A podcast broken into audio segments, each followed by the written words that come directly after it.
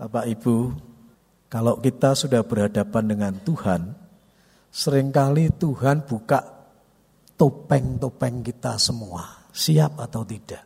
Kalau kita di hadapan manusia itu kita bisa pura-pura macam-macam.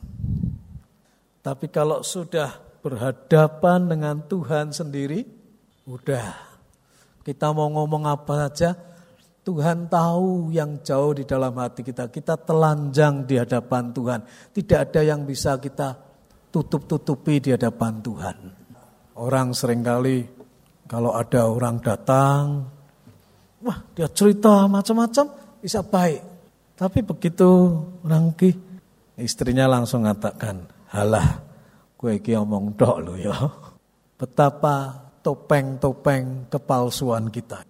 Yeremia mengatakan, betapa liciknya hati kita. Hati kita sering kali menipu diri kita.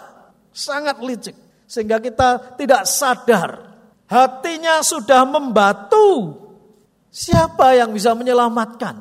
Kalau kita sudah membatu, menutup diri keras, kita sudah membuat topeng-topeng begitu rupa tanpa sadar kita makin jauh dari rahmat Tuhan.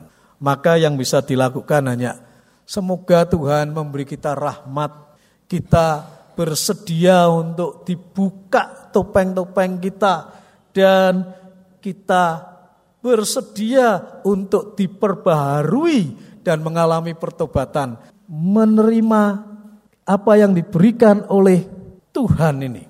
Dengan percaya kepada Kristus yang diakibatkan oleh kematiannya diakibatkan oleh dosa manusia, kita menjadi orang-orang yang diselamatkan dari kuasa dosa dan menang atas kuasa maut. Seolah-olah Tuhan menganugerahkan begitu rupa satu kehidupan yang baru yang bisa terus tumbuh di dalam diri kita menjadi kuat, sehat.